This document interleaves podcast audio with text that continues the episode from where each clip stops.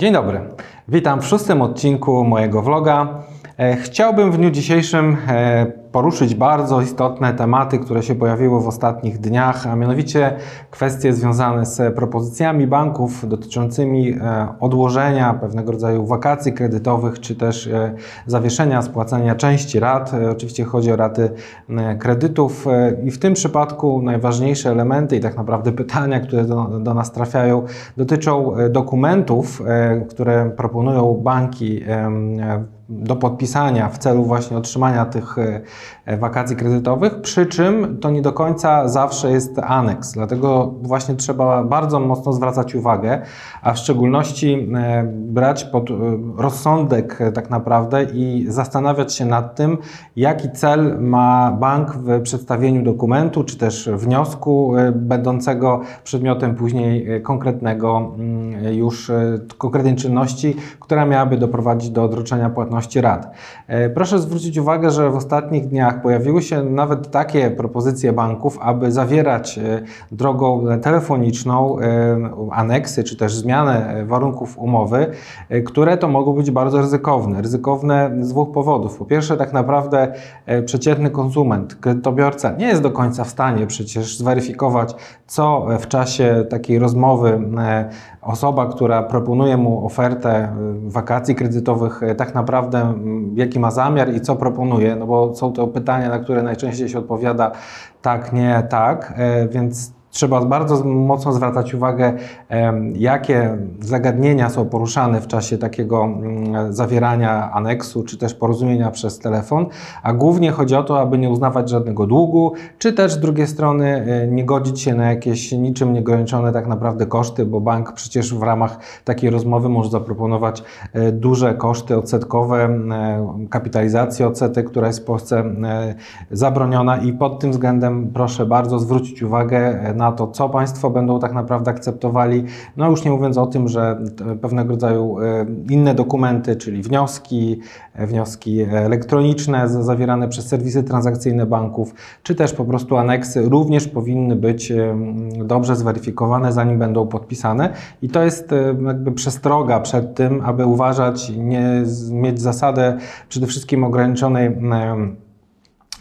ograniczonego zaufania do, do banków w tym zakresie. Jeżeli będzie taka potrzeba, to proszę oczywiście e, takie informacje zgłaszać. E, już wielokrotnie na ten temat wypowiadał się Rzecznik Finansowy i inne instytucje, które panują w pewien sposób nad tym, żeby banki nie, pod, nie podsyłały tak naprawdę i nie podkładały do podpisu potencjalnie groźnych i, i, tak naprawdę niekorzystnych dla frankowiczów e, aneksów. Stąd e, w ślad za chociażby zaleceniami prezesa KNF e, i innych osób, które się zajmują przede wszystkim tymi relacjami z bankami, polecam również, biorąc pod uwagę wypowiedzi wielu prawników, że zanim Państwo zdecydują się na to, aby te dwa, trzy,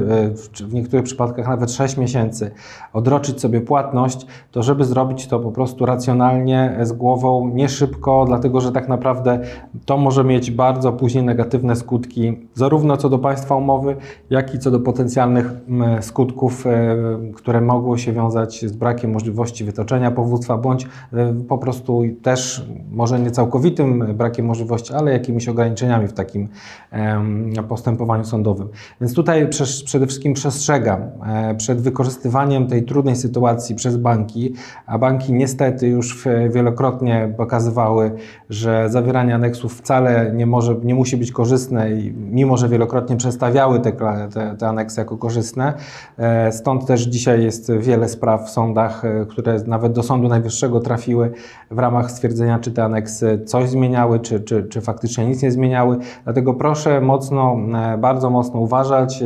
nie przeklikliwać, jak to się mówi potocznie, wszystkiego na tak, dlatego że są to sprawy poważne. E, tutaj mamy do czynienia jednak z instytucjami, które nie zawsze działają fair. Mało powiedzieć, no przecież e, klauzule abuzywne funkcjonują i proszę pamiętać, że one funkcjonują z mocy prawa. Wcale to nie jest tak, że sąd musi stwierdzić, e, czy ta dana klauzula jest abuzywna, czy nie jest. Mamy prejudykaty, czyli mamy wpis do rejestru klauzul niedozwolonych prezesa UOKiK. Także jest dużo okoliczności, które wskazują, że jakby banki chciały się zachowywać uczciwie, to na pewno by to robiły. Natomiast na chwilę obecną nie ma żadnych przesłanek, że faktycznie banki będą to robiły w dobrej wierze i proszę bardzo mocno uważać na to, co się podpisuje, w szczególności, że naprawdę w ostatnich dniach wiele mamy e, informacji, że banki zmieniają propozycje, zmieniają warunki, e, inne są na stronie internetowej, inne później klient otrzymuje e, czy mailu, czy telefonicznie, więc tak naprawdę to są bardzo mm, kontrowersyjne rzeczy, które na dzień dzisiejszy są połączone z pewnym, pewnego rodzaju zakłopotaniem kredytobiorców, spłaceniem tych rat, no i banki mogą to chcieć wykorzystać. Ja oczywiście bezpośrednio nie chcę tutaj oskarżać, chociaż już mam takie doniesienia takich nieuczciwych praktyk rynkowych, ale zanim e, wszystko spiszemy i, i wszystko o wszystkim Państwa poinformujemy, to musimy zabrać właściwy materiał dowodowy, żeby też tutaj nie pomawiać. Natomiast na pewno to, co na dzień dzisiejszy wiemy, e, to generalnie bardzo proszę, byście Państwo uważali, dlatego że można prowadzi, może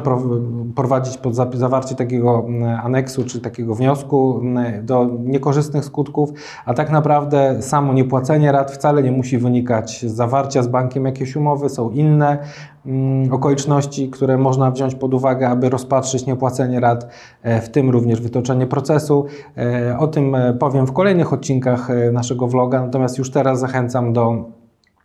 przeczytania artykułów na e, stronie e, życiebezkredytu.pl i tam mam również blog, który można bezpośrednio dowiedzieć się na temat swojego banku, jak wygląda sytuacja aktualna. My staramy się aktualizować na bieżąco. No, to jest dosyć poczytne, są te artykuły, bo po, po kilkaset osób, po kilkaset tysięcy osób miesięcznie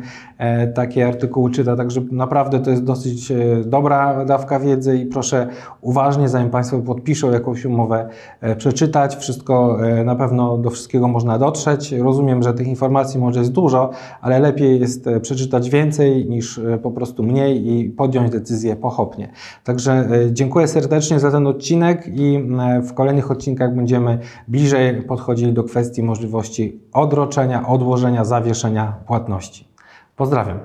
Do widzenia.